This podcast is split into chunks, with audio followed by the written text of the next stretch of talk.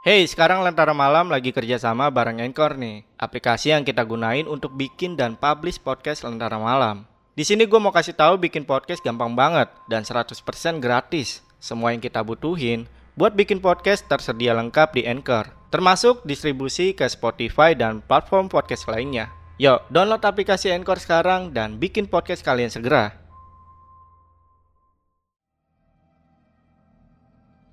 Halo semuanya, kembali lagi di Lentera Malam bareng gue Jamal Dan di segmen Saksi Misteri kali ini, gue udah kedatangan narasumber yang akan bercerita tentang pengalaman horornya Dan narasumber gue kali ini akan menceritakan tentang pendakiannya pada saat ke Gunung Gede Pangrango Di mana narasumber kali ini harus kehilangan salah satu teman baiknya kita langsung sapa aja narasumbernya. Di sini udah ada Bang Reja, Bang. Apa kabar, Bang? Alhamdulillah baik bang. Oke. Sahabat baik lo atau teman pendakian lo meninggal pada saat lo mendaki ke Gunung Gede Pangrango Iya bang. kali ini. Iya. Itu gimana ceritanya? Ya jadi prosesnya itu ketika turun sih bang. Mm-mm. Setelah ngelewatin jembatan air panas itu tuh yang tambang, beliau jatuh. Dan kebetulan jatuhnya ini tepat banget di sebuah batu besar. Jadi kepalanya ini beradu. Dan kepalanya ini tempurungnya ya mungkin ya lembek bang. Ini sebelum si almarhum ini meninggal ada tanda-tanda mistis atau di luar nalar lo nggak? Ya pas pendakian kali itu beliau bertemu sosok kakek-kakek. Sosok kakek-kakek. Nah, dan kebetulan beliau berbicaranya berbeda nih bang. Nggak kayak biasanya ketika kita ngobrol-ngobrol di Surya Kencana malam itu. Ah. Ada sebuah pesan lah.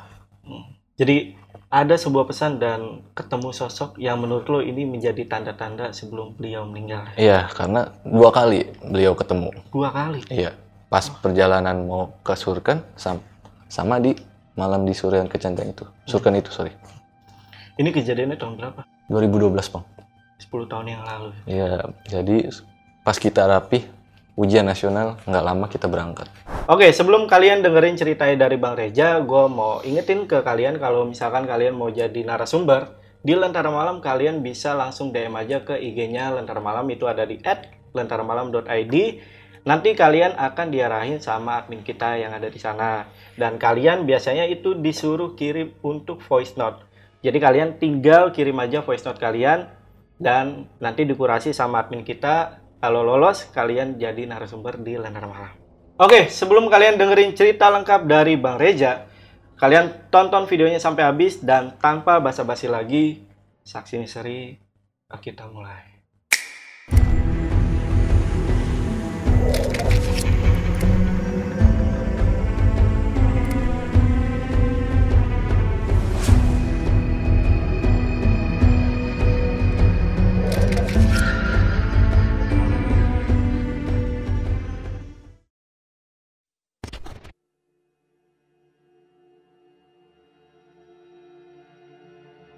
Jadi pendakian gua di Gunung Gede itu sekitar tahun 2012 bang. Hmm. Waktu itu kita rencananya buat ngerayain sebelum lulus-lulusan nih kan karena habis ujian nasional. Oh, Nah akhirnya si Teddy ini si ibarat kata tokoh utama lah dalam pendakian kali ini. Dia itu ngajakin gua, Ari sama Bowo buat naik Gunung Gede. hmm. Akhirnya di situ udah sempat berdebat segala macam kan untuk logistik segala macam karena kan di waktu itu kita keterbatasan uang bang. Iya. Iya kendaraan juga nggak punya. Akhirnya udah berdebat sebentar sedikit-sedikit. Deal dah tuh. Kita berangkat pagi hari hari Jumat. Malamnya kita packing segala macem, nyiapin perbekalan lah. Tiba pagi hari Jumat itu kita berangkat menuju stasiun Pasar Minggu. Di stasiun Pasar Minggu itu kita sebe- sebentar kayak buat ngopi, ngerokok. Perjalanan berangkat itu sekitar jam 9 pagi dari Pasar Minggu. Nyampe di Bogor itu sekitar sore kalau nggak salah bang. Sore. Sore kita sempatin buat makan, ngerokok, ngopi. Nah itu kita perjalanan buat ke base camp Putri itu kita ngolbak bang di zaman itu. Oh, BM ya, BM. Iya. Ngolbak dah tuh ya kan jalan dari satu tempat sehingga ngolbak lagi. Itu sampai malam tuh bang. Nah, ya nggak nyasar-nyasar lu. Alhamdulillah kagak cuma ya mungkin lama nunggu mobil Iya. buat menuju ke arah putrinya. itu sekitaran jam 12 malam itu gue nyampe di base camp Putri dan akhirnya kan kita istirahat dulu nih adalah satu base camp kita makan di situ ngobrol-ngobrol ngerencanain buat pendakian awalnya mau tiga hari di sana kita mau dua malam di Surai Kencana. Awalnya nih udah disiapin rencananya segala macem. Kira kita istirahat bang. Sekitar jam 2 pagi. Singkat cerita pagi nih tiba. Jam 8 itu kita mak sarapan dulu biasa ngisi perut. Kita mulai perjalanan itu sekitar jam 9 jam 9 kita ngurusi maksi segala macem. Sempat ditanyakan apa aja perbekalannya sama pihak base camp udah rapi segala macem. Kita berangkat lah tuh sekitar jam 9 lewat lah. Alhamdulillah cuaca di sana tuh bagus cerah. Perjalanan biasa aja tuh bang. Kayak dari pos Simaksi menuju pos 1 itu santai. Nggak ada halangan lah kayak kita ketawa-tawa Iya, iya. ngobrol-ngobrol ketemu pendaki lain yang turun.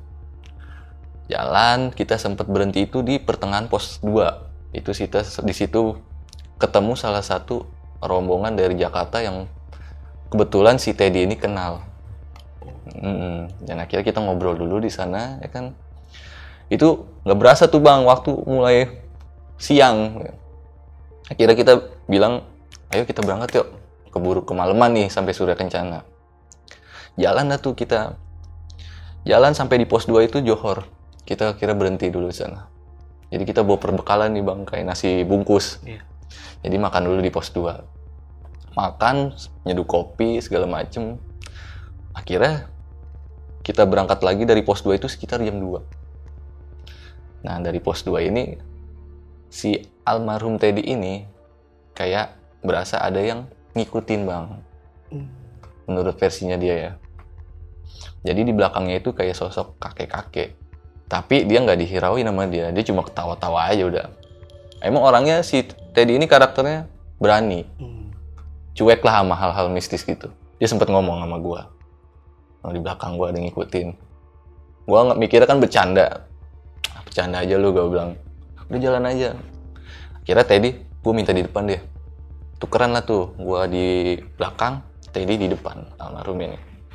Berangkat jalan sekitar jam setengah empat itu gerimis bang. Gerimis kita ada di pos 3 di pos 3 kita sempat kayak berhenti sebentar itu karena si Ari ini agak ngedrop dia. Karena dia juga punya riwayat kayak asma bang. Cuma nggak asmanya nggak akut dia. Untungnya dia bawa alatnya itu tuh yang alat asma. Iya. kita nunggu dia buat enakan dulu nih si Ari.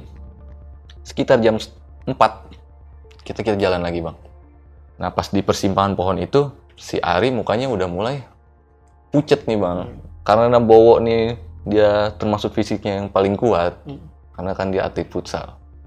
Dia bilang udah gue tunggu sini lu jalan duluan aja nih Ja sama Teddy. Cuma si Teddy ini kayak ngebentak gitu apaan lu? Kita jalan bareng ke mana-mana bareng. Udah pasti gue tungguin jangan ada yang jalan duluan. Kira-kira kita ya udahlah ngikutin kemauannya Teddy nih. Karena emang kita semua nih re- respect kita ke Teddy besar banget ya kan. nah so dulu di situ mungkin si Arinya ini ngerasa nggak enak akhirnya maksain buat jalan. Sepanjang perjalanan itu nggak terasa udah mau maghrib bang. Kita nyampe di Surken itu pun maghrib. Akhirnya sampai Surken itu kita nenda di Surken, Surken Barat. Yang mau tinggal jadi kita mau naik tinggal gampang tuh summit nyampe di Surken Barat itu kita biasa bikin tenda segala macem masak. Tapi masak makan lah nih. Jam tujuan tuh kita makan. Makan ngerokok ngopi. Si Ari ini udah istirahat nih bang jadi kita bertiga berencana muter-muterin Surken tuh bang ngilangin gabut karena kebetulan cuaca di sana tuh cerah banget bintang banyak lah bagus sempet kayak kita ke tengah-tengah Surken itu si Teddy ini minta istirahat di sini kita ngobrol di sini aja nih asik nih Di tengah Suraya Kencana itu. Iya. Jadi posisinya itu kita bertiga bawa ko- kopi, duduk di tengah-tengah surken itu sambil rebahan gitu bang begini. Itu nggak tahu kenapa malam itu obrolan Teddy terlihat dewasa banget bang. Cuma kita belum ada pemikiran bahwa nantinya dia bakal terjadi sesuatu. Itu kita tiduran sambil ngeliatin bintang-bintang banyak. Dia kayak buka obrolan, lu mau sampai kapan kayak gini? tiba-tiba begitu tuh bang maksudnya iya apa planning lu ke depannya lu masih mau kayak gini-gini aja lu harus matengin dari sekarang karena ke depannya kita nggak ada yang tahu. Kalau kita nggak punya planning lalu bakalan ya, alur, alur lu bakal ke mana-mana. Sempet bingung dong maksudnya apa ini ya kan? Kira kita ngobrol-ngobrol-ngobrol itu si Bowo minta duluan ke tenda. Terus sekitar jam 9 malam kalau nggak salah bang. Bowo cabut lah nih ke tenda. Kita masih berdua tuh gua sama almarhum Teddy ini pas gue pengen ngajakin dia pulang ke tenda nih beliau kayak nahan gue bang. Sini dulu bingung dong gue ada apaan? Ngobrol dulu ke tenda aja cuaca udah mulai dingin ya kan? Gue mau nitip pesen sama lo pesen apa? Karena kan kebetulan dia ini putus sekolah bang. Dia lebih tua setahun dari gue cuman dia putus sekolah. Dia itu berencana setelah turun dari Gunung Gede ini dia mau ke daerah Jawa buat kerja. Alibinya dia. Di situ dia berpesan tolong jaga adik sama emak gue ya. Gue tanya maksudnya gimana? Iya jagain aja. Kan gue mau pergi jauh nih nyari duit. Gue minta lu Ari sama Bowo seminggu sekali lah lu datengin ke rumah gue seenggaknya lu nginfoin ke gue kalau keluarga gue baik-baik aja. Kan kebetulan juga orang tua lakinya ini udah nggak ada dua tahun yang lalu. Gue bilang tenang pasti kita jagain kok. Lu kerja kerja aja nggak usah mikir yang aneh-aneh. Saat itu firasat lu gimana? Gue sih nggak mikir apa-apa bang maksudnya ya ya karena emang dia modelnya begitu bang. Kalau dia mau pergi jauh dia selalu nitip adik sama ibunya ke anak-anak gitu. Dia sempet kayak janji ya lu anak laki omongan harus bisa dijaga harus bisa dipertanggungjawabin. Akhirnya gue tabok lah sininya dia bang. Gini tenang lu kayak baru kenal aja gue bilang. Udah yuk kita cabut ke tenda tuh dia sempet kayak mikir udah sini aja dulu gue masih mau ngobrol kok tadi ya. Ya udahlah mau nggak mau gue nemenin kan. Di malam itu dia ngobrol udah mulai kayak dewasa banget kayak ntar adik gue harus kayak gini gue pengen adik gue kayak gini makanya gue ya harus nyari duit yang banyak gitu kan. Biar nggak biar nggak kayak gue gitu. Udah lu fokus aja nggak usah mikir yang macem-macem. Nah ini kayak ada yang bikin bingung nih bang. Jadi pas lagi ngobrol itu dia ngeliat sosok kakek-kakek itu. Posisi kita tiduran nih begini. Cuman terus abis itu dia bangun ngeliat ke arah jam 12 nih. Itu dia ngeliat sosok kakek-kakek itu. Dia cuma bilang gue disuruh pulang nih. Nah itu gue mikir pulang? Maksudnya apa? Iya ada yang nyuruh gue pulang. Makanya gue nitip pesan ke lu buat jaga adik-adik gue sama emak gua. Gue mikirnya pulang ke rumah apa gimana? Iya pulang. Pokoknya kita pulang aturan kan mal dua malam tuh kita di Surya Kencana. Tapi pas malam itu dia ngeliat sosok kakek itu dia bilang besok kita langsung cabut aja. Oke okay lah gue bilang gue nggak tahu nih antara lu halusinasi apa sugesti. Gue bilang lu ngeliat sosok kakek itu di mana? Itu tepat jam 12 nih kok kata dia. Dia nyuruh gue pulang. Udah jangan lama-lama. Lu nggak ngeliat sama sekali? Kagak bang.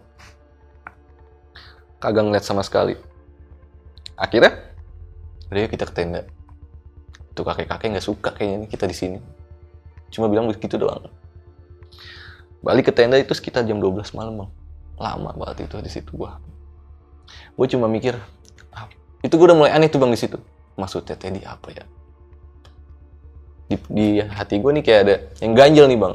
Karena orangnya happy banget kalau diajak ngobrol pun dia nggak terus nggak nggak bisa seserius itu.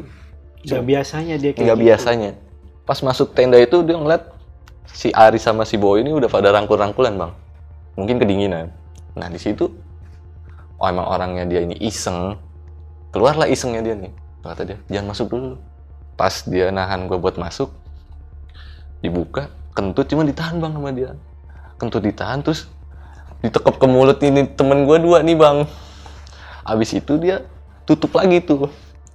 Udah tungguin aja nih dia dikit lagi pada kesurupan nih gua kata dia nggak lama pada teriak tuh yang di dalam. Oh brengsek siapa nih yang kentut gua kata dia. Udah gua ketawa-tawa aja kan. Iya. pasti Teddy ini kerjanya nih.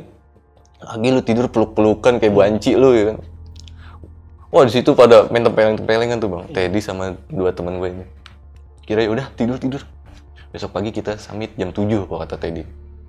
Kira tidur lah tuh gue berempat jam 1 singkat cerita pagi lah nih bang. Hmm, hmm. pagi sebelum kita summit ini biasa sarapan sama packing packing nih. Kan karena kita turun ke Cibodas. Hmm.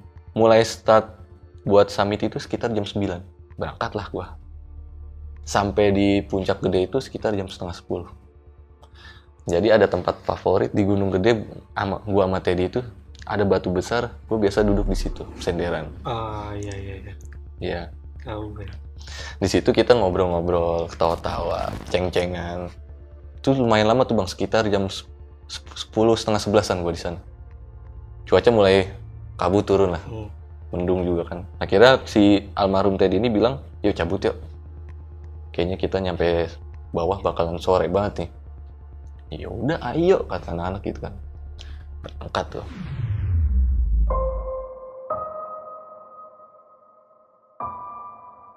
Alhamdulillah selama perjalanan turun sampai di kandang badak ini nggak ada apa-apa bang. Cuman almarhum Teddy ini udah mulai kayak tatapannya kosong bang.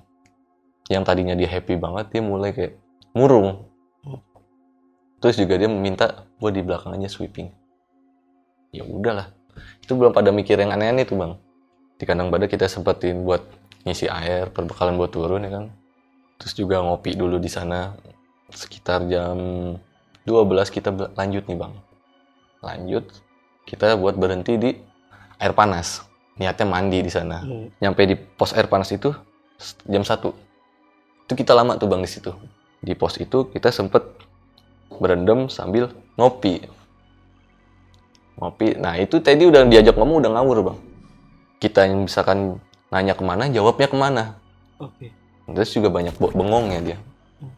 Ada yang bisa lo contohin ngawurnya tuh gimana? iya kayak misalkan Ted turun sampai jam berapa nih di bawah udah ntar naik kereta aja. Bingung gak lu bang? Kita ngomong ke mana jawabnya ke mana? Stres paling digituin doang sama si Ari. Akhirnya udah mulai kedinginan tuh bang. Kedinginan karena cuacanya juga udah mulai berubah lah gitu. Jam 3 kita bangun nih dari air panas itu. Ganti setelan segala macem. Nah Teddy ini minta jalan duluan. Alasannya mau buang air besar.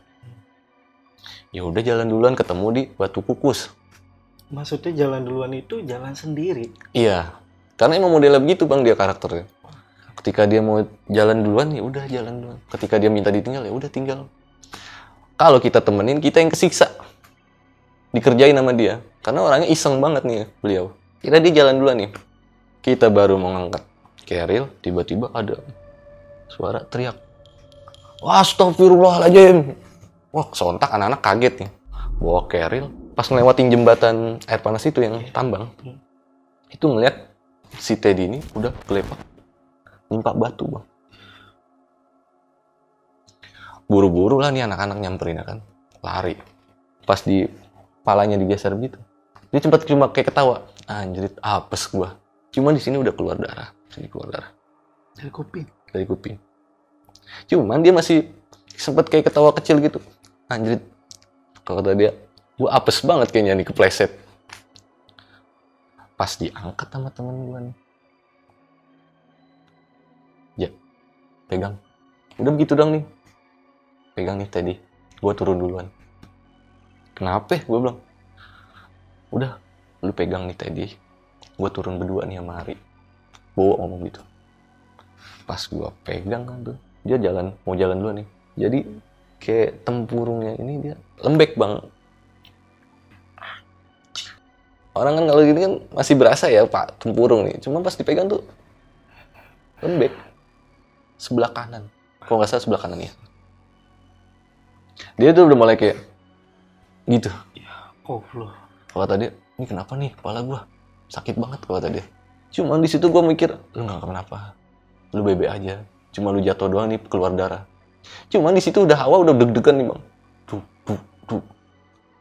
Lewat kan ya jangan sampai akhirnya wah jalan duluan wah turun tinggal gua sama Teddy di sini kata Teddy udah lu tinggal gua aja bertiga gua cuma jatuh kesleo tadi juga gua bisa turun Dia masih sempat ngomong. Iya.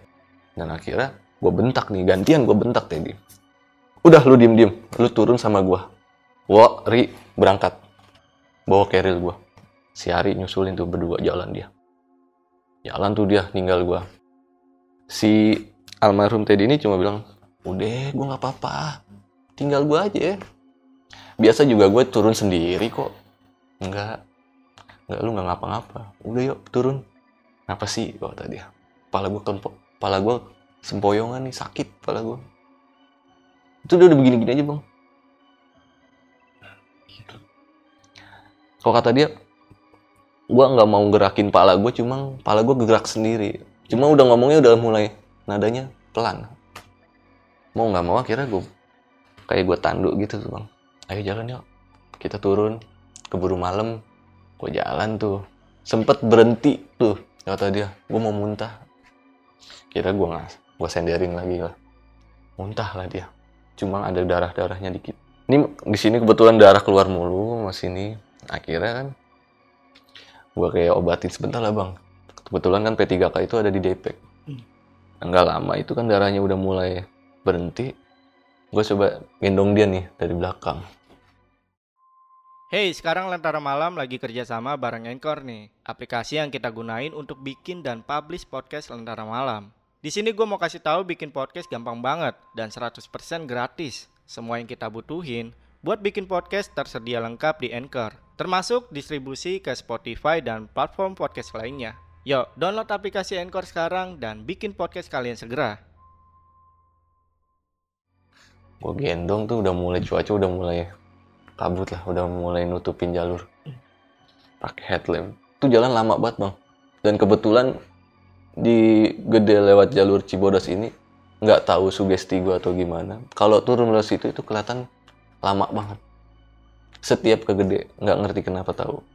Masih sampai sekarang tuh di otakku bertanya-tanya kenapa kalau turun lewat Cibodas kelihatannya lama banget? Jalan tuh jalan mulai pelan tuh bang karena fisik gue juga udah mulai ngedrop. Gotong-gotong Teddy. Nah ketika mau sampai persimpangan yang kita mau arah base camp yang ke kiri ke arah Ciberem apa itu gue lupa nama posnya. Itu kan agak nurun gitu. Nah jadi posisi gue itu kepleset bang karena jalurnya licin. Gue sempet jatuh bang. Nabrak pohon ini bekasnya Ya, iya, iya, gue lihat bekasnya. iya ini bekasnya nih. Gue ibarat kata nyium pohon gue cuma jidat gue yang gue adu daripada muka gue Hmm. cuman di sini berdarah sini gue berdarah nih. Sempet ketawa tuh dia. Goblok goblok. Udah tahu sempoyongan malah dibikin jatuh. Itu dia bilang gitu. Udah ngaso dulu. Gue juga udah capek. Kira rokok dong ja. Masih mau ngerokok tuh di situ Masih sempet mau ngerokok. masih mau ngerokok. Gue bilang jangan ngerokok. Nih minum air putih aja. Tetep dia keke rokok? Gue pengen ngerokok. Ngapa sih? Gue gak kenapa-napa kata dia. Udah minum air putih aja nih. Ya ngerokok. Mau nggak mau lah gue kasih rokok. Ini rokok nih. Yuk turun yuk. Sembari ngerokok dah. Lu ngerokok nggak apa-apa dah. Gue gendong. Udah jalan aja. Tuntun aja tuntun kata dia. Kira jalan tuh bang gue itu udah mulai gelap tuh bang. Mau maghrib kok nggak salah dari persimpangan itu. Kira gue jalan tuh santai. Saking udah capeknya kan. Di perjalanan tuh kayak suara burung segala macam cuma gue nggak hirauin bang. Ada suara-suara. Ya sekelibatan kayak entah kayak kuntilanak ketawa atau gimana. Cuma nggak gue hirauin lah. Gue pada saat itu fokus ke Teddy ini. Gue cuma di hati dalam di hati kecil gue ini udah mulai ngerasa nggak enak nih bang. Ini Teddy bakal selamat nggak ya? Karena gue pegang itu lembek.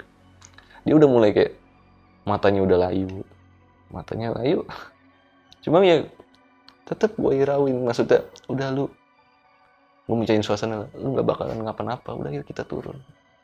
Di perjalanan itu sempet gue ngaso di yang jembatan kayak kayu itu tuh bang. Yang kayak danau-danau tuh. Iya, Iya. itu saking capeknya gue bilang Ted ngaso dulu ke sini. Tiduran tuh bang gue berdua. Gue dalam hati gue mikir kalau gue harus lewat berdua silakan gue pasrah. Karena gue mikir Teddy udah nggak bisa diajak ngomong bang.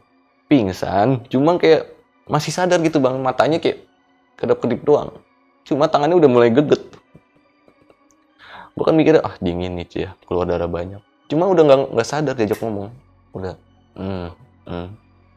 gue sampai dalam hati gue maafin gue maafin gue gue udah begitu aja. Maafin gue Ted. Maafin gue kayaknya lu nggak bakalan selamat. Itu malam pulang di situ. Gue udah kaki gua gemeteran segala macem. Gua udah mikir aduh Teddy lewat nih Teddy lewat nih. Nah kebetulan sadar tuh bang dia. Sempat sadar sedikit sebentar. Udah tinggal gua aja. Gua ikhlas kok tadi ya enggak kita turun bareng. Naik bareng turun bareng kok kata gua gitu kan. Ya udah fisik lu benerin dulu. Nggak apa-apa gua di sini tiduran. Udah tuh agak lama tuh bang di situ sambil ngerokok gua. Bisa nggak nih selamat? Gua bisa ngomong apa nih ke keluarganya kalau nanti turun ya kan. Akhirnya yuk jalan Ted. Gue panggul tuh. Panggul juga udah jalannya dikit-dikit jatuh bang gua. Karena udah ngedrop. Ketika perjalanan itu tadi udah nggak sadar lagi tuh bang. Cuma tangannya udah tuk, tuk. akhirnya mau nggak mau gue bopong. Gue gendong belakang lagi. Sempet kayak ngeluarin kayak air liur dia. Gila, gila. kira gue ja gue masih kayak selamat lu bisa selamat lu bisa selamat. Gue tahu lu orangnya kuat. Karena emang kan beliau orangnya bener-bener fisiknya oke bang gue akuin udah mau malam malam dah selepas isa itu kalau nggak salah. Mau sampai di telaga warna. Dan akhirnya di situ gue udah pasrah bang. Lepak gue berduaan di situ. Dak tet tet udah nggak nyaut. Udah nggak ada jawaban dari nggak ada jawaban. Tet eh bangun gitu. Udah diem aja cuma tangannya masih gini sama kepalanya. Kayak orang kejang gimana sih bang? Begitu gitu aja tuh. Tet gue panik tuh bang kayak gue cek nadinya dia napasnya cuma napasnya emang udah agak sesenggukan dia kayak berat selang 30 menit itu datang tuh dari bawah Bowo sama si Ari bawa tim SARS itu Bisa. Iya. Ketika gue sadar Bowo itu nyampe, langsung gue teriak, A, A, tolongin teman saya nih, A. Udah nggak udah nggak sadar nih. Cepetan, cepetan. Tinggal saya aja tinggal. Kalau perlu langsung bawa ke rumah sakit. Karena ini keadaannya darurat. Yang satu bilang, ini gimana kejadiannya? Gimana nih? Kejadiannya di mana? Kayak gimana prosesnya? Udah, A, ntar tanya saya aja. Sekarang minta tolong saya. Tolong bawa turun, langsung bawa ke rumah sakit. Karena ini genting banget nih, udah urgent banget. Pas dipegang nih sama dia. Mau ditandu. Emang udah begini. Astagfirullahaladzim, kata dia. Ini jatuh kenapa, A? Udah, A, bawa tolong, A. Tolong, sampai. Tolong, A, tolong. Bawa turun teman saya. Akhirnya jalan tuh dia. Gue di situ, di situ ada Ari sama Bawa sama salah satu tim SAR itu di situ. Gue bilang lu turun aja turun, tinggalin gue sendiri, gue nggak apa-apa. Akhirnya Bawa sama itu ngikut nih ke bawah. Tim SAR yang satunya ini yang standby tetap jagain gue takut gue kenapa-napa karena dilihat sini gue udah berdarah. Gue bilang sama Bowo oh langsung ke rumah sakit. Urusan ntar di pihak SAR Gunung Gede ini minta penjelasannya. Gue yang cerita. Yang benar lu lu masih kuat nggak? Udah kuat tolong. Bawa bawa feeling gue udah gak enak. Gue sempet ngaso kan udah gregetan aja gue udah gemeteran gregetan. Karena cuaca di situ udah mulai dingin juga kan. ditanya nama salah satu sarnya ini yang standby sama gue ah kejadiannya gimana? Kenapa temen yang bisa sampai parah kayak gitu? Ini nggak bakalan bisa. Selamat nih. Langsung gue gini ah udah jangan dibahas. Gue nggak mau nggak mau denger kalimat-kalimat nggak bisa diselamatin. Gue masih positif thinking kalau temen gue bakal selamat mau gimana nanti ujungnya dia ke depannya nggak masalah lah yang penting masih bisa diselamatin. Akhirnya dibopong sama dia gantian gue jalan tuh jalan. Nyampe di di base camp Cibodas itu gue sempet ditanya-tanya dulu tuh bang sama salah satu tim sarnya situ. Prosesnya kayak apa segala macam cuma gue ngeyakinin tim sar ini dibawa ke mana teman saya? Oh. Tenang dibawa ke rumah sakit. Daerah bawah. Insya Allah selamat lah udah dapat pertolongan pertama tuh gue ditanya-tanya tuh bang prosesnya kenapa aja kejadiannya kayak gimana. Gue udah greget udah gemeteran. Gue cuma minta sama pihak tim sarnya itu tolong jangan diliput jangan diinfoin. Karena ini kesalahan kita. Kita yang ceroboh. Iya. karena ninggalin teman kita jalan sendiri. Karena kebetulan di pendakian kali itu tuh Teddy cuma pakai sendal. Jadi sepatunya ditaruh di keril. Pada saat turun itu. iya jadi pas Iya, dia iya. turun itu dia pakai sendal jepit bawa keril sepatunya diikat Si Teddy jatuhnya itu berapa meter? ya lumayan sih bang sekitaran kalau dari sini ke situ pojok kamar mandi nih ada berapa tuh 2 meteran kali. ya segituan lah pokoknya dari sini ke situ Tapi mungkin dalam keadaan itu ya. nah pos langsung kena kepalanya ya. Iya, jadi TKP-nya itu kalau kata si Ari kan karena Ari ngelihat proses jatuhnya. Jadi ini dia, si Teddy, Hari, ini gua nih sama Hmm. Bowo. Jadi posisinya kayak bener-bener langsung gitu tuh bang. Ah. Kayak orang gua nggak ngerti dijorokin atau gimana, cuma posisi langsung doyong gitu, set ke depan, kebalik, nggak berhenti, beradu sama, sama batu besar itu.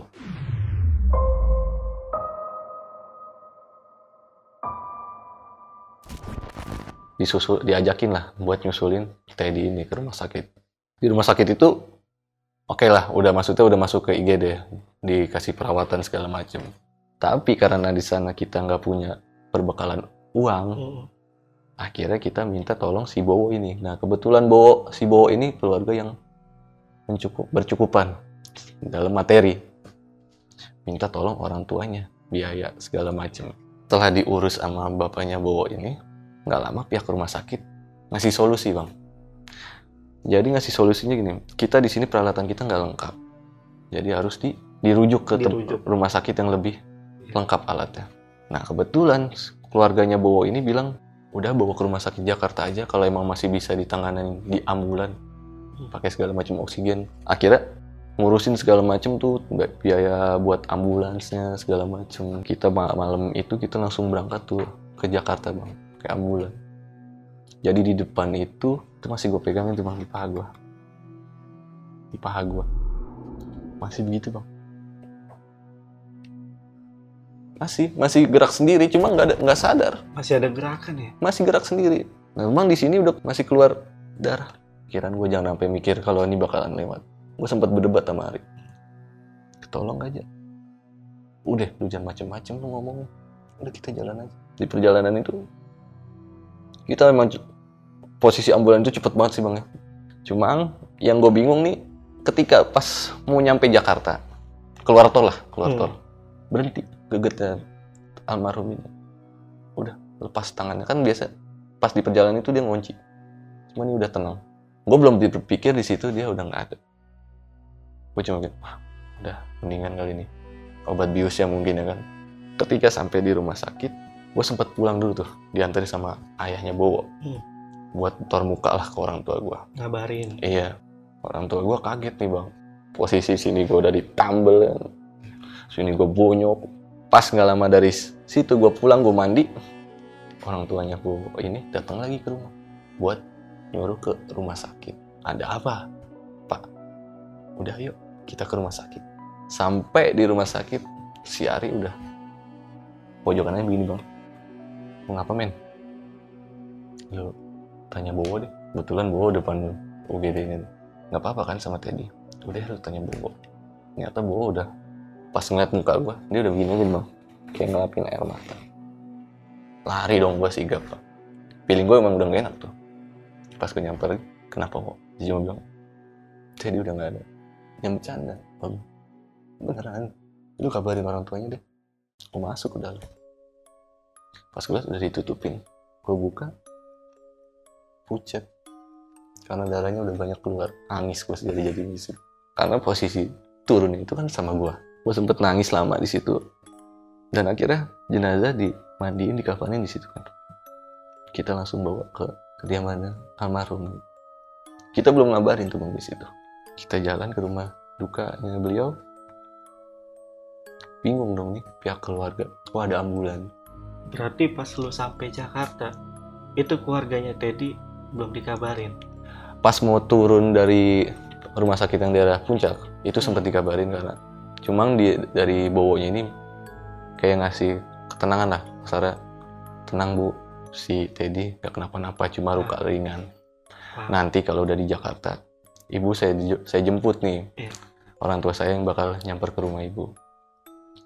Nah posisi ternyata lain cerita pas diturun nyampe di rumah sakit salah satu Jakarta ini. Nyampe rumah almarhum ini gue udah gemeteran bang. Gue nggak tahu mau ngomong itu ambulan dari depan gangnya rumah beliau ini gue suruh matiin. Hmm. cuma pihak per- perumahan sekelilingnya dia tetangganya udah bertanya-tanya ini kenapa nih kenapa? Ketemu ambulan itu kan gak jauh. Pas dibuka teriak histeris pak ya Allah innalillahi. Gue udah lemes. Adanya nangis parah tuh bang. Sampai gue dicakar-cakarin segala macem. Abang gue kenapa bang?